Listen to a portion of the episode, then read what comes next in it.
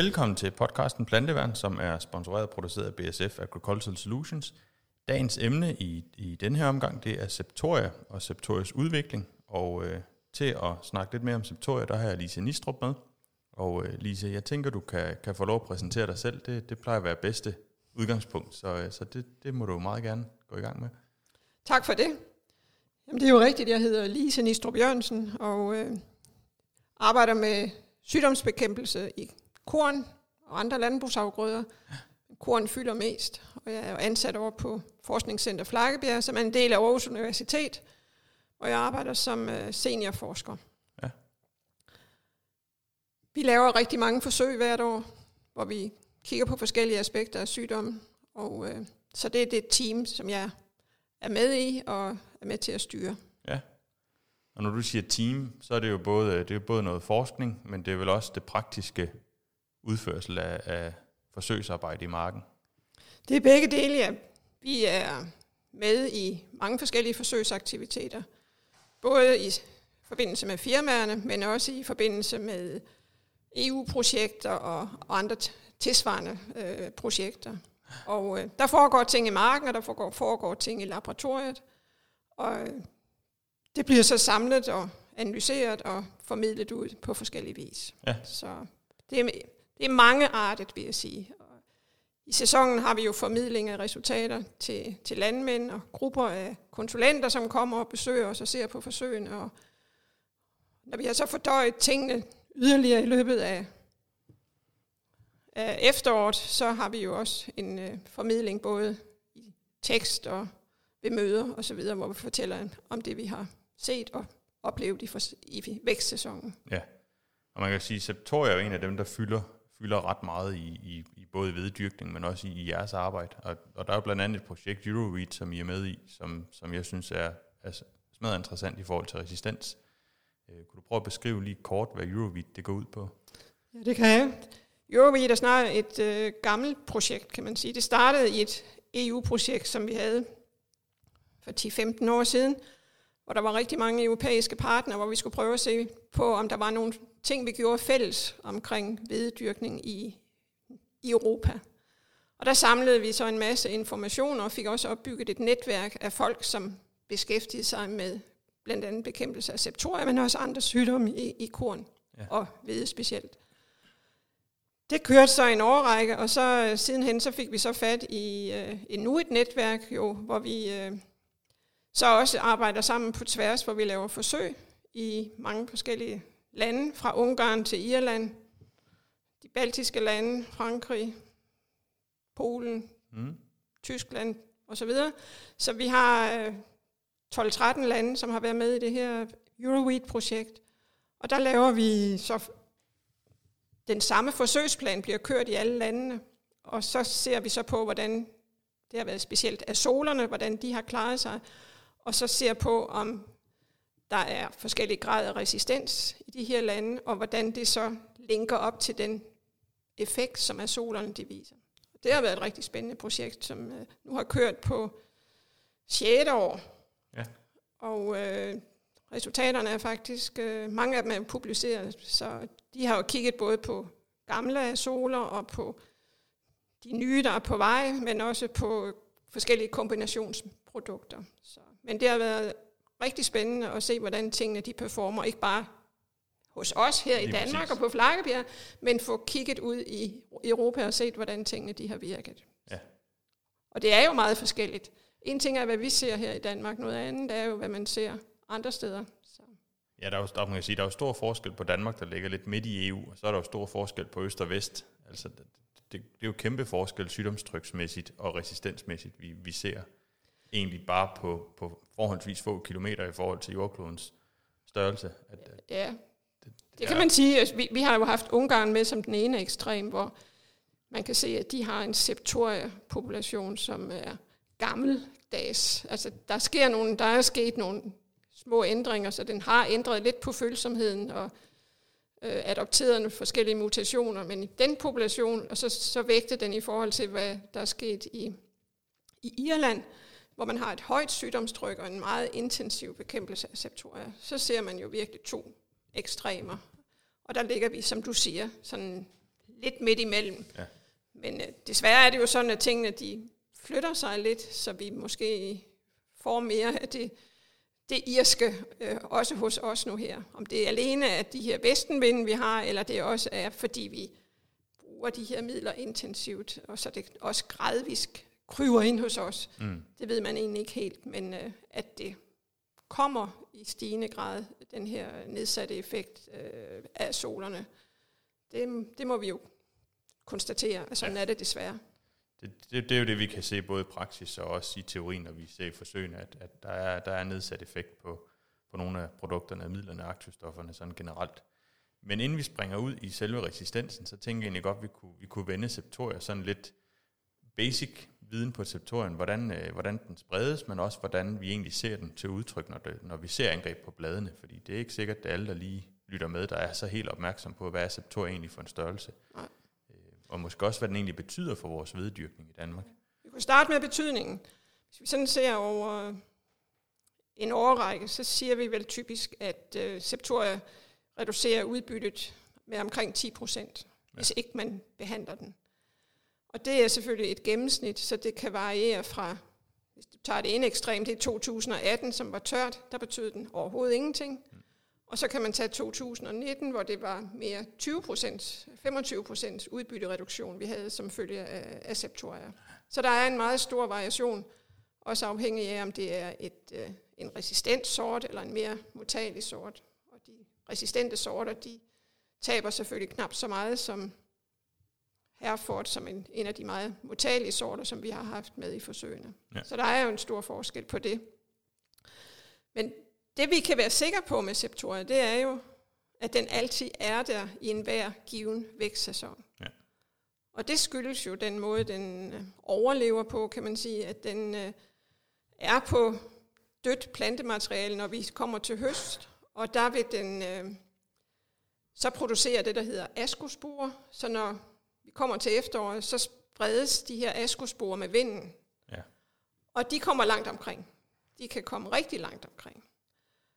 Så det betyder, at selvom man har et sædskifte, hvor man har en vedmark, hvor man har raps som forfrugt, så får du alligevel septoria, fordi den flyver ind fra naboområderne. Mm.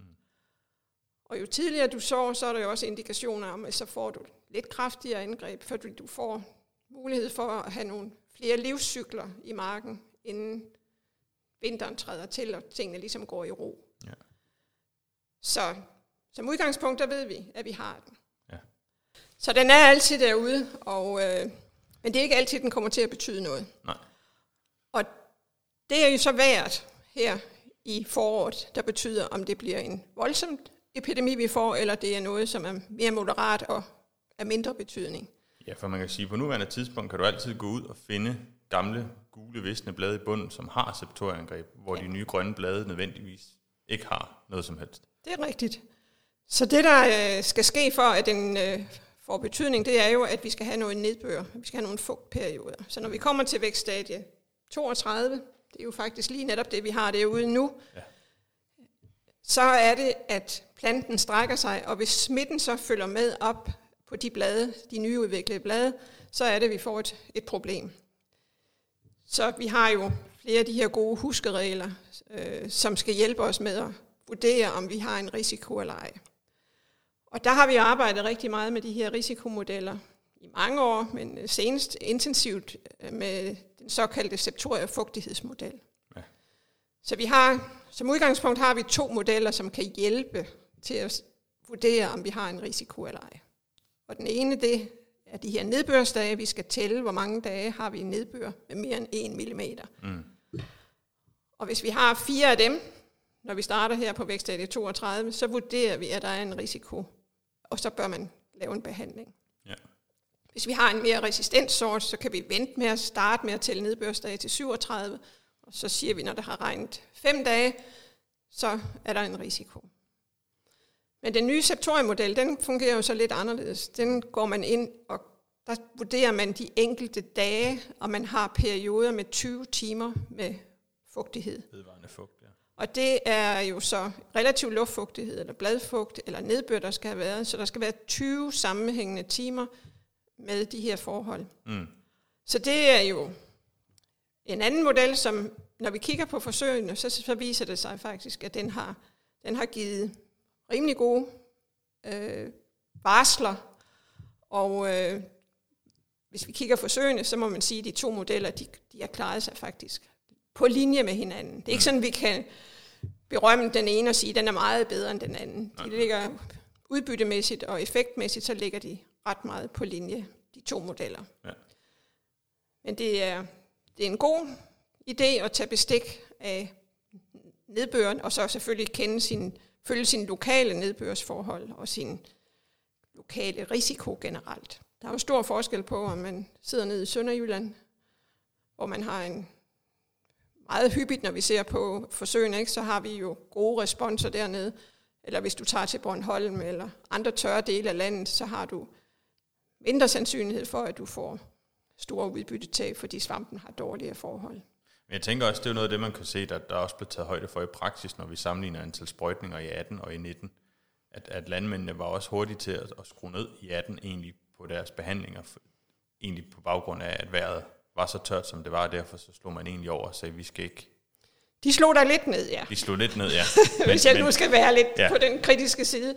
Så øh, i gennemsnit, der sprøjter man vel to-tre gange. Og øh, i 17 var det måske mere tre, lige godt tre, og i 18 så var det lige godt to man sige. Men man brugte så nok lidt lavere doseringer. Jeg tror, jeg tror også, man skal sætte mig om og sige, hvad er det for nogen, man skal køre med, fordi de lave doseringer ligger jo netop i de første sprøjtninger, hvor ja. de højere doseringer ligger i de sidste. Det var i høj grad de sidste to doseringer, man, man skruede på, eller, ja. eller helt undlod ja. at gøre noget. Altså vi har jo lige opgjort de her forsøg, vi har i det her nordisk-baltiske projekt, hvor vi har 47 forsøg, der er kørt i 18 og 19.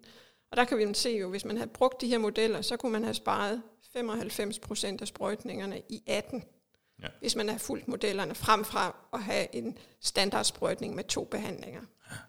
Så, så man, øh, der i tørre vækstsæson, der øh, kan man spare en del sprøjtninger ved at bruge de her risikomodeller. Ja.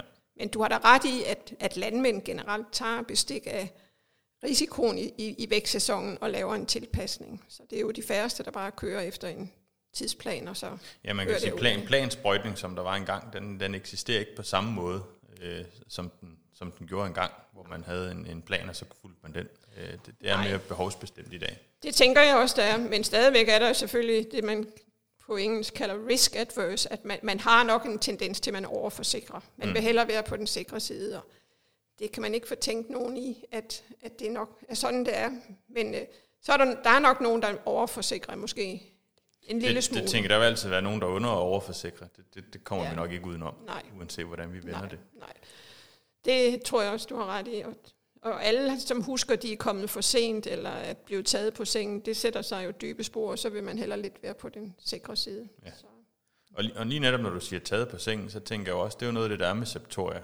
Det, er jo ikke ligesom gulrust, hvor man kan gå ud og finde en plet af gulrust, og så sige, nu skal vi gøre noget, fordi septorien er jo lidt forsinket i, hvornår den egentlig er i planten, ja. til hvornår den bliver smittet. Kan du prøve at forklare, hvad det Ja, og derfor er det jo rigtig vigtigt, at man tager bestik af vejret. Ja. Fordi den her svamp har jo en lang latenstid på cirka tre uger, og hvis man venter fra, at der har været gode forhold, til man ser symptomerne, så er man jo for sent ude. Så man er nødt til at forholde sig til, hvad vejr man har, så man kan lave en sprøjtning, før man ser symptomerne. Og mm. det er jo anderledes end det med, med rust og melduk, hvor ja. du kan se dig til ret med det. Så, så det er rigtig vigtigt. Det er også sådan, at de midler, vi har, de er desværre ikke så kurative, som vi kunne ønske os. Nej. Nogle af dem har nok været kurative, haft en bedre kurativitet på et tidspunkt, men lige nu, hvor de er ret slidte, de fleste af de midler, vi har, så dur det ikke, at, at man venter for lang tid med at, og, at sprøjte. Så man skal være rimeligt tæt på de her nedbørsforhold, som man ved, der betinger angrebene, når man laver sin behandling. Ja, man skal egentlig helst være, være på forkant, så godt man nu kan, kan komme i forhold til, at, at eller ikke, ikke nødvendigvis på forkant, men, men op til regnvejr, øh, eller lige efter, at, at vi ikke har den her sygdom, der arbejder inde i planten, uden vi kan se det. Altså hvis man ved, og, der, og meteorologerne med ret stor sikkerhed siger, at nu kommer der tre, fire nedbørsdage, og man er nået til vækststadie 37, så vil jeg da også gå ud og lave en, en sprøjtning. Ja. Øh, så, så på den måde kan man jo tage vejret øh, af notam. Øh, der er meget omkring det her med, hvor, hvor mange gange man kommer til at sprøjte også, men hvor vigtigt er det lige, at man rammer hele fanebladet, eller skal man vente til fanebladet er helt ude, før man sprøjter. Og det vil jeg normalt sige, at det kunne være en god idé, hvis vi havde nogle stærke midler, som kunne slå det tilbage, altså som mm. havde kurativitet. Men desværre er det sådan med dem, vi har lige nu, der er de ikke så stærke. Så Nej. der tør jeg faktisk ikke vente. Vi kan, vi kan håbe på, at vi får nogen, som har en bedre kurativ effekt. Så vil vi, det vil give større fleksibilitet. Men vi er låst lidt, fordi de ikke er så stærke, de midler, vi har. Ja. Og noget af det, vi også skal være opmærksom på, det er jo også fra, fra behandling. Hvis man siger, at en behandling i stadie 32-33, den holder jo ikke så længe, som de måske gjorde engang øh, effekten af midlerne, næsten uanset hvad vi bruger af produkt i dag, så, så har vi jo en kortere virkningstid. Det har de, og det er jo selvfølgelig fordi deres, deres kickback-effekt heller ikke er så stærk, som den måske har været dengang. Og det er jo uomtvisteligt, at der er ingen midler, som bekæmper på den måde, kan, hvis, hvis du får beskyttet tredje og, øh, og anden blad, så kan det ikke også beskytte Nej. første blad, hvis ikke det er fremme på sprøjtetidspunktet. Du skal ud og have ramt det blad for at beskytte det. Ja. Det kunne jo være fint, hvis de kunne transporteres på den måde, at de kunne også komme op i de nye blade, men det gør de ikke. Det, det og det er der, ingen, og det er der ingenting, der det, det er der ingenting, der gør det. Selv ikke ud til, at der er noget, der kommer, der kommer til at gøre det. Så, så jo, Roundup, men det kan ja, du ikke bruge til det her. helst ikke. Det skal I ikke gøre derude. Brug det til svampbekæmpelse. så, øh, så slipper I da for at køre mig tasker i hvert fald. Bestemt, ja. Men når vi så også snakker, snakker timing, så kan man sige, vi, vi gør jo noget af det her med at købe ud og male nogle planter. Altså nu har vi jo nogen, der har behandlet her i stadie 32-33, og så beder vi dem om at male en plante. Egentlig lige så meget for, at de også er opmærksom på at følge udviklingen. Fordi det næste blad, der kommer ud, som vi lige har snakket, det er ubeskyttet. Og så kan man jo godt sige, at det er ikke sikkert, at vi skal køre, når det næste blad kommer, men er der et helt nyt, frisk blad, og det ser ud til nedbør, og det er, det er længere tid siden, man har kørt, 14 dage, 3 uger for eksempel, så har vi jo sådan set et ubeskyttet blad, der står og, og kan få septoria. Mm. Hvor opmærksom skal man være på det blad i forhold til de sygdomme, der så måtte være på nedre blade, hvis du forstår, hvad jeg mener. Altså hvis vi, hvis vi snakker anden øverste blad og tredje øverste blad rent, hvor nervøs skal man så være for anden øverste blad, hvis det står ubeskyttet, og de lover vand? Jamen altså, det er jo ikke så rart at have ubeskyttede blade, fordi som sagt, er, det er jo ikke sådan, at man får jo ikke udryddet septorien, fordi man har været ude og sprøjte en gang. Slet ikke med de doseringer, vi ligger og roder i. Det, det, det gør man ikke. Så hvis man har ubeskyttede blade, og man har meget fugtigt vejr, så, så vil jeg da også lave en beskyttelse. Øhm, man taler jo tit om, at man har, hvis man beskytter her på 32, så får man beskyttet tredje blad, mm. og hvis du så venter med at beskytte til, til fanebladet frem, altså 39, så kan du have sådan lidt en periode, hvor, hvor du så egentlig får en underbeskyttelse af det anden øverste, anden øverste blad. blad ja. Og det er normalt ikke et problem, hvis du har nogle effektive midler, men det kan godt være et problem, hvis du kører for lav dosering øh, ved fanbladsbehandling, fordi så kommer der endnu mindre ned til anden blad, og så kan du ende med, at du får for ringe en bekæmpelse. Ja, men øh, vi kan håbe både, at, at vejret og timing generelt gør jo, at, at man ikke løber ind i de problemer. Ja. Øh, men, øh, men man skal være opmærksom på, at kickback-effekten ikke er så god, og, og så hvis man så reducerer, kører dosen helt til det laveste, så får du heller ikke meget ned på det andet øverste blad. Nej. Og når vi snakker tredje, anden og øverste blad, altså fanebladet, hvad betydning har de så for vedeudbyttet sådan rent? Altså man kan sige, der er jo lavet nogle forskellige opgørelser, der ja. viser, vil, ja. altså kan vi undvære nogen af dem, eller er de alle tre vigtige, Nej, kan man sige? man kan ikke undvære nogen af dem. Nej. Men, øh, men det, det, der er sværest at undvære, det er jo fanebladet selvfølgelig. Ja. Ikke? Det, der har vi 50-60 procent af hele udbyttet, det genereres fra fanebladet. Og så har du omkring, altså de to øverste til sammen, de giver omkring 70 procent af udbyttet. Ja. Og så den, den tredje øverste, det er måske 20 procent. Ja. Og så de øvrige, det ligger der på 5-10 procent af det samlede udbytte. Så det er virkelig vigtigt, at de to øverste, de holdes så sunde som muligt, og ikke mindst fanenplads selvfølgelig. Ja. Det med, om akses skal nødvendigvis behandles, det er ikke så vigtigt. Nej. Det var det i gamle dage, hvor man havde hvedebrunplet som den vigtigste sygdom. Men septoria, som vi kender det, hvedegråplet, den går ikke i akset. Nej. Så på den måde er det normalt ikke et problem. Nej, fusarium ser vi jo heller ikke øh, som sådan i, i en grad, som man har gjort tidligere. Nej, altså Eller stinkbrand for den sags skyld. Stinkbrand, det er jo en, det er jo en udsædsborn, ja, ja. som man skal klare på helt anden vis. Men fusarium i akset kan jo være et problem, hvis man har et sædskifte med reduceret jordbehandling og hvide efter hvide, eller hvide efter majs for eksempel. Det er en dårlig cocktail. Men langt de fleste vækstsæsoner, så har vi ikke problemer med fusarium Nej. i de danske kornmarker. Heldigvis, kan man sige. Ja. Og man kan sige, nu snakker vi lige i starten omkring resistensudvikling hos Septoria i forhold til de produkter, vi, vi, vi anvender. Og man kan sige, der er jo sket noget inden for de sidste to-tre år øh, i, i Danmark også i forhold til, til specielt STHI-midlerne. Men udover STHI-midlerne, så har vi også strobilurinerne, og vi har triazolerne. De, det er lidt de tre grupper, vi bekæmper med. Mm. Og hvis vi tager øh, strobilurinerne først, så havde de jo engang en god effekt, kan jeg, kan jeg høre, når jeg snakker med mine kollegaer, for det er før, jeg gik ind i landbruget. At, Hvor før du de, blev født? Ja, det var det dog ikke, men det var før, det var før jeg, øh, jeg, jeg var i landbruget i hvert fald. Ja. Jeg tror, jeg gik i 8. klasse i 98, da de, da de begyndte at komme. Øhm, kunne du prøve at beskrive, hvad der skete med dem? For det, det er jo lidt en speciel historie, sådan set, med ja. resistens. Det er jo en sjov historie. Det var jo nogle fantastiske midler. Vi var alle sammen ved at falde i svime over de der gode effekter, og de forgrønnende effekter, og de store merudbytter, som jo var dobbelt så høje øh, i forhold til de midler, vi havde på det tidspunkt. Så der var jo en stor begejstring og også en stor anvendelse. Det gik så også godt. De kom der i 98 og 99, og det gik så godt de første par år. Men da vi så kom til 2003, mm. så så vi de første tegn på, at der var resistens hos septoria-svampen. På det tidspunkt var melduksvampen allerede blevet resistent over for strobilurinerne. Men fra 2003 til 2004 sæsonen der, der gik det fuldstændig galt. Så hvis vi ser på forårsprøverne i 2003, så var der omkring 3% resistent.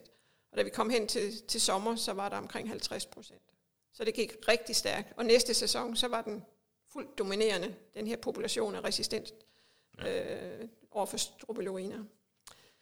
Så det, øh, det blev en meget kort historie, desværre. Og så var det vi jo tilbage til azolerne. Så var mm. det dem, der blev taget ind igen og blev brugt som det bærende element i forhold til septoriebekæmpelsen. Der havde vi jo folikur, og vi havde, der kom så epoxyconazole opusmidlerne, de kom. Og så, øh, så gik det egentlig også godt nok et par år, men så blev, begyndte de jo at blive slidt. Og det så vi så først i Irland, og vi så det så efterfølgende også hos, øh, hos os, at først nogle, middel, nogle af solerne faldt helt igennem, og andre holdt stadigvæk skansen til at starte med. Og så når vi kommer herhen omkring 2015, så begynder de alle sammen at vige, mm. kan man sige. Så øh, det er et kæmpe selektionstryk, der er jo. Forestil dig hele Europa med septoria som den dominerende sygdom, og alle hele vejen omkring os, de bruger de her zoner for at bekæmpe septoria. Ja. Og det er jo survival of the fittest, og så er der jo resistensudvikling, som så bliver styrket, kan man sige, at dem, ja. der er resistente, de har det, de, dem bliver der selekteret for. Ja. De faldt jo ikke helt, det er jo ikke så gået sådan, at de røg fra at give 90 procent til at give 0, som det næsten var tilfældet med strobilurinerne. Nej.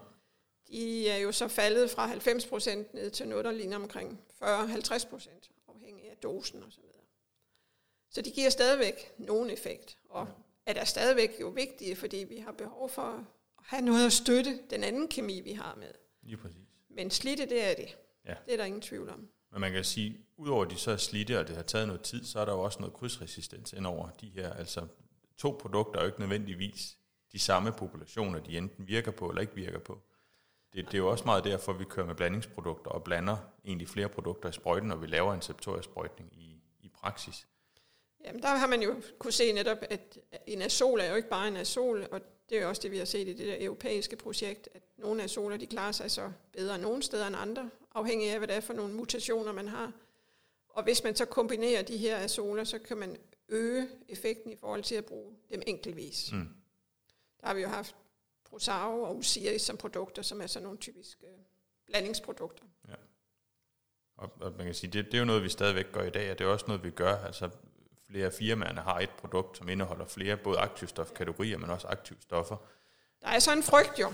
Der er øh, dem, der nu bruger de her blandingsprodukter, fordi man ser så faktisk, at der er nogle af dem, som jo så, hvis man bruger dem meget ensidigt, de her blandinger af soler, så selekterer de for mutationer, som så bliver resistente over for dem begge to. Ja. Så det er ikke, det er ikke kun godt, så man skal stadigvæk huske at diversificere og også mm. bruge anden kemi. Fordi ellers så kan man få sådan nogle multiresistente nogen, som så tilpasser sig både den ene og den anden type af de her azoler. Det er, man kan sige, det er også derfor, vi har et solregnskab i Danmark, når vi snakker, når vi snakker bekæmpelse af svampe. Der er, jo, der er jo faktisk lavet et regnskab, hvor vi må bruge en vis mængde af hvert triazol. Og så det, er så er jo en anden, det er jo så på baggrund af andre ting, det er jo udvaskningsrisikoen, som styrer det. Men, men det, det, det har vel også en eller anden effekt på, på, at man er nødt til at veksle imellem tingene, når man, når man kører det ud. Og udover det, så ligger der også en, en, en anbefaling, hvis ikke det faktisk er et krav med maks to gange per sæson, med det samme aktivstof. Det prøver vi jo at sige, at man skal ikke bruge det samme mere end Nej. to gange. Og det kan være svært jo. Øh, måske endnu mere fremadrettet, også ja. øh, fordi der ikke er så mange at veksle imellem. Men det er rigtigt, vi har været ude at sige to gange maks det samme per sæson. Og der kan man så sige, at hvis vi skulle være helt optimale, så skulle man slå protivkonazol og epoxykonazol sammen og sige, at det var de to maks to gange. Men altså, da vi ja. har så få midler, så lader det sig ikke gøre at ja. lave sådan nogle strenge regnskaber. Og springer vi hen til stohierne, som jo er den tredje gruppe af, af septoriemidler, kan vi sige, så, så er vi jo også begyndt at opleve nu i Danmark resistenser på STHI'erne. Ja, den er i sin spæde, spæde start, må man sige. Vi har fundet nogle enkelte eksempler på øh, mutationer, som relaterer sig til de her STHI'er. Og igen kan vi jo så kigge lidt til Irland og se, og England for den sags skyld, at der har de store problemer nu med, at STHI'erne de dropper i effekt ser ikke ud til, at de dropper fuldstændig, men de dropper væsentligt i forhold til den effekt, som de startede med at have. Mm. Og i Danmark, der har vi jo ikke så mange af de her SDHI'er godkendt, der har vi jo sådan kun to, der to, hører til de såkaldte svage, boskalid og fluorpyram. Og øh, de, er, de støtter da effekten og, og hjælper på, at vi får en, en, en rimelig septoria-effekt, men de er også under pres, øh, så høj grad trænger vi jo til at få noget, som kan løfte de her mm. effektniveauer i forhold til det niveau, vi har.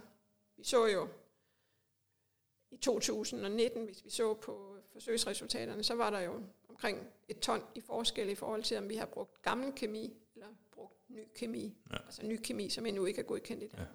Så, Jamen, der, er så der er store udfordringer, tænker jeg, i forhold til at, at få noget mere effektivt til at bekæmpe svampen med.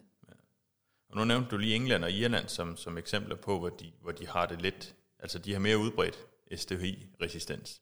Hvad er en af årsagerne til, udover at de selvfølgelig har nogle, nogle, nogle lidt stærkere produkter, der selekterer noget mere i marken, men hvad er en af de andre årsager også til, at de eventuelt har den her?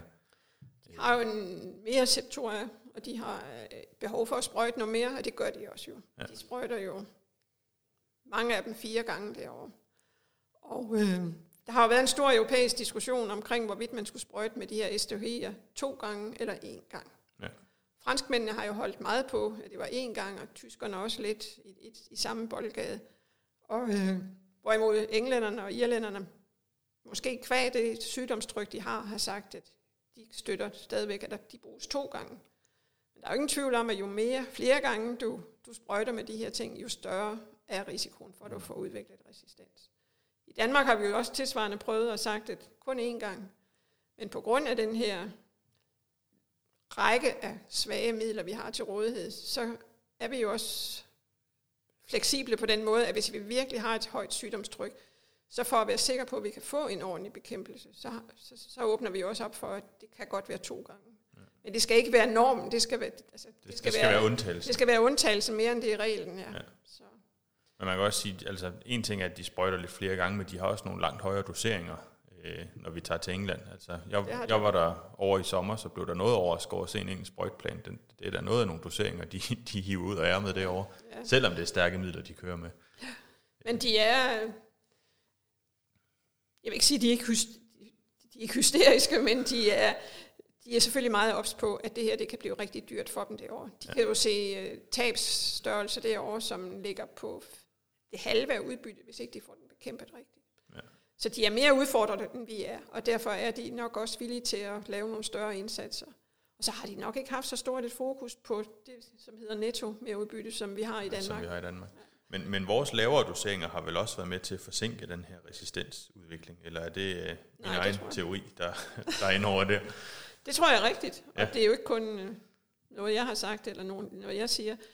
Altså, der er faktisk nu jo gode internationale undersøgelser, som viser, at øh, lavere doseringer er med til at mindske selektionen for resistens. Ja. Så i Danmark har vi jo haft den der lange tradition med at bruge reducerede doseringer, men meget drevet ud af, at det er her, vi får det bedste netto ja. at det så er heldigt, at det så også har haft en sideeffekt, at det har mindsket øh, selektionen for resistens. Det har jo ikke været en cocktail, alle firmaerne har synes var fantastisk god, at vi har fortalt om de her reducerede doseringer. Men Nej. Sådan har det nu været, og man må sige, at landmændene har taget det til sig. Så, Det er der ingen tvivl om. Der, er- der, der, er de, der, der lytter de, trods alt, når, når der bliver snakket om penge. ja, og det er vel også godt så, altså, fordi man kan jo hurtigt, man kan da godt komme til at, at bruge for høj en indsats. Nu skal vi også huske, at i Danmark har vi jo en afgift på pesticider, og det gør jo også, at de er, de er dyrere, end de er flere andre steder, og det gør også, at der er mindre råderum i forhold til den indsats, som vi kan give. Det er klart. Så man kan sige, hvis vi skal runde septorien lidt af, så er det jo en, det er jo en sygdom, som kan koste udbytte. Vi har tre hvedeblade, vi skal sørge for at beskytte i, i markerne derude. Og man kan sige, det er, det er en sygdom, som man skal være på forkant med. Det er ikke en, vi kan opdage efterfølgende. Så er det egentlig for sent. Vi kan ikke gøre noget, når først vi ser de her angreb. Og nu tror jeg ikke, vi nået at nævne, hvordan den fysisk ser ud på bladet, øh, septorien. Så det kan vi jo lige slutte af med egentlig, Ja. ja. og, og vende, hvordan man kan kende septoriesygdommen. Jeg er sikker på, at de fleste landmænd de kan godt kende septoria. Ja. Øhm, den har lidt forskellige udseende. Den hedder jo gråpletsyge. Så når man kommer her i det tidlige forår, så kan man have de her lidt runde pletter i bunden, øh, som har, har et gråligt skær, men har tydelige sorte prikker. Ja. Man behøver ikke en lup, man kan tydeligt se de sorte prikker. Og den, når den så spreder sig opad i afgrøden, så laver den typisk sådan nogle langstrakte, øh, linjeformede pletter til at starte med, også med tydelige prikker i sig. Og de kan jo så vokse sammen, som øh, angrebene så udvikler sig, så bliver de til store plamage og total nedvisning af bladet til sidst. Så man skal kigge efter de her grå, brune lesioner med sorte prikker i. Ja. Kan jeg godt nogle gange, folk kan blive lidt forvirret i forhold til, om det nu er øh, guldrus, som også kan optræde i striber, og hvis den er bekæmpet, så kan man godt have sådan nogle øh, stribelignende symptomer tilbage. Øh, så der kan godt være lidt forvirring, kan man Det, sige. det så vi jo faktisk meget af sidste år. Ja, hvor at der for eksempel guldrust. Benchmark havde Ja. rigtig meget øh, guldrust, og den får også noget septoria, og der kunne det være svært lige at skelne, om det er det ene eller det andet. Ja. Så er det måske, man skal have lupen lige frem og se, om man kan se de sorte prikker. Ja. Men de sorte prikker, det er egentlig et meget godt, godt øh, tegn på, Tegn at det er den, det er vi har med at gøre. Ja. Ja. Og så, så tænker jeg egentlig, at vi skal runde af. Du plejer jo, når du, når du deltager i forskellige møder, jeg har hørt dig forskellige situationer, så har du en læresætning til sidst på engelsk, som jeg synes egentlig er ret god i forhold til både septorieresistens, men også bekæmpelse. ja, jeg Ja. tænker, at du tænker på den her sætning, don't be too keen to be clean. Lige præcis. Ja, det er ikke en, jeg har fundet på. Nej, Des- Desværre. Det er John Lucas fra Rothamsted, som har introduceret den. Men det er en rigtig god sætning på den måde, at øh, man skal jo ikke overgøre det. nej. Fordi hvis vi, jo mere vi sprøjter for at holde afgrøden totalt ren, jo mere selekterer vi for resistens. Så det er især i lyset af, af resistens. Men det er også en god læresætning at have i baghånden, når man skal se på, hvad der er det økonomisk øh, optimale nettoudbytte til sidst. Så øh, hold ikke, sørg for at få det bekæmpet i tilstrækkelig grad, men at der er noget angreb i, i marken til sidst, det skal man jo ikke øh, gå i koma over. nej. Og det samme gælder også sådan noget som melduk. Hvis der er lidt melduk, der sidder i bunden på stænglen, det betyder ingenting. nej. Så længe det ikke kommer med op. Så længe det ikke kommer med op. Altså, vi ved, at sådan noget som guldrust, der skal man alarmklokkerne ringe, når man ser det, og det løber derud af, så er det med at få stoppet og ikke og komme igen, så man er sikker på at få holdt det nede.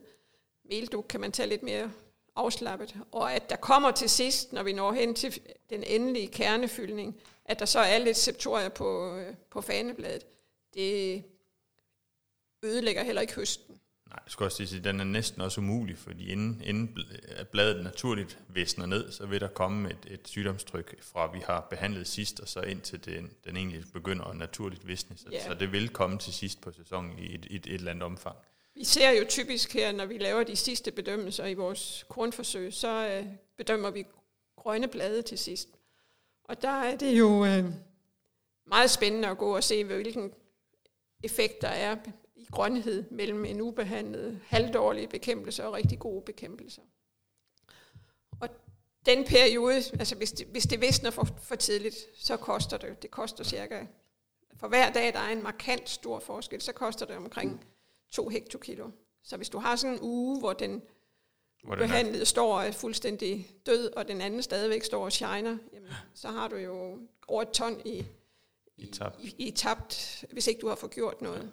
Men derfra så til at sige, at det skal jo ikke shine uendeligt. Det, nej, nej, det skal, skal også gerne blive høstmoden. Det skal også gerne blive høstmoden, ja, og det gør de heldigvis også. Så, ja. Men uh, så meget som nødvendigt, og så ikke overgøre det, det tror ja. jeg er meget godt at huske på. Så. Det tænker jeg er en, en rigtig god måde at runde, runde den her podcast af på. Og så vil jeg sige tusind tak, fordi du har været med, Lise. Det har været en fornøjelse som altid. Øhm, og så afslutningsvis til jer, der lytter med, så har vi jo en lille form for brevkasse til, til dem af jer, der skulle have nogle spørgsmål eller nogle emner, I gerne vil have taget op. Så kan I skrive til jesper.kystgård, k y s t går over A, snabelagbsf.com, og så tager jeg det her emne med videre. Og så håber jeg, I er blevet klogere på at høre lidt på mig og meget på Lise. Øhm, så igen, tak fordi du var med, Lise, og så øh, lyttes vi ved derude. BASF We create chemistry.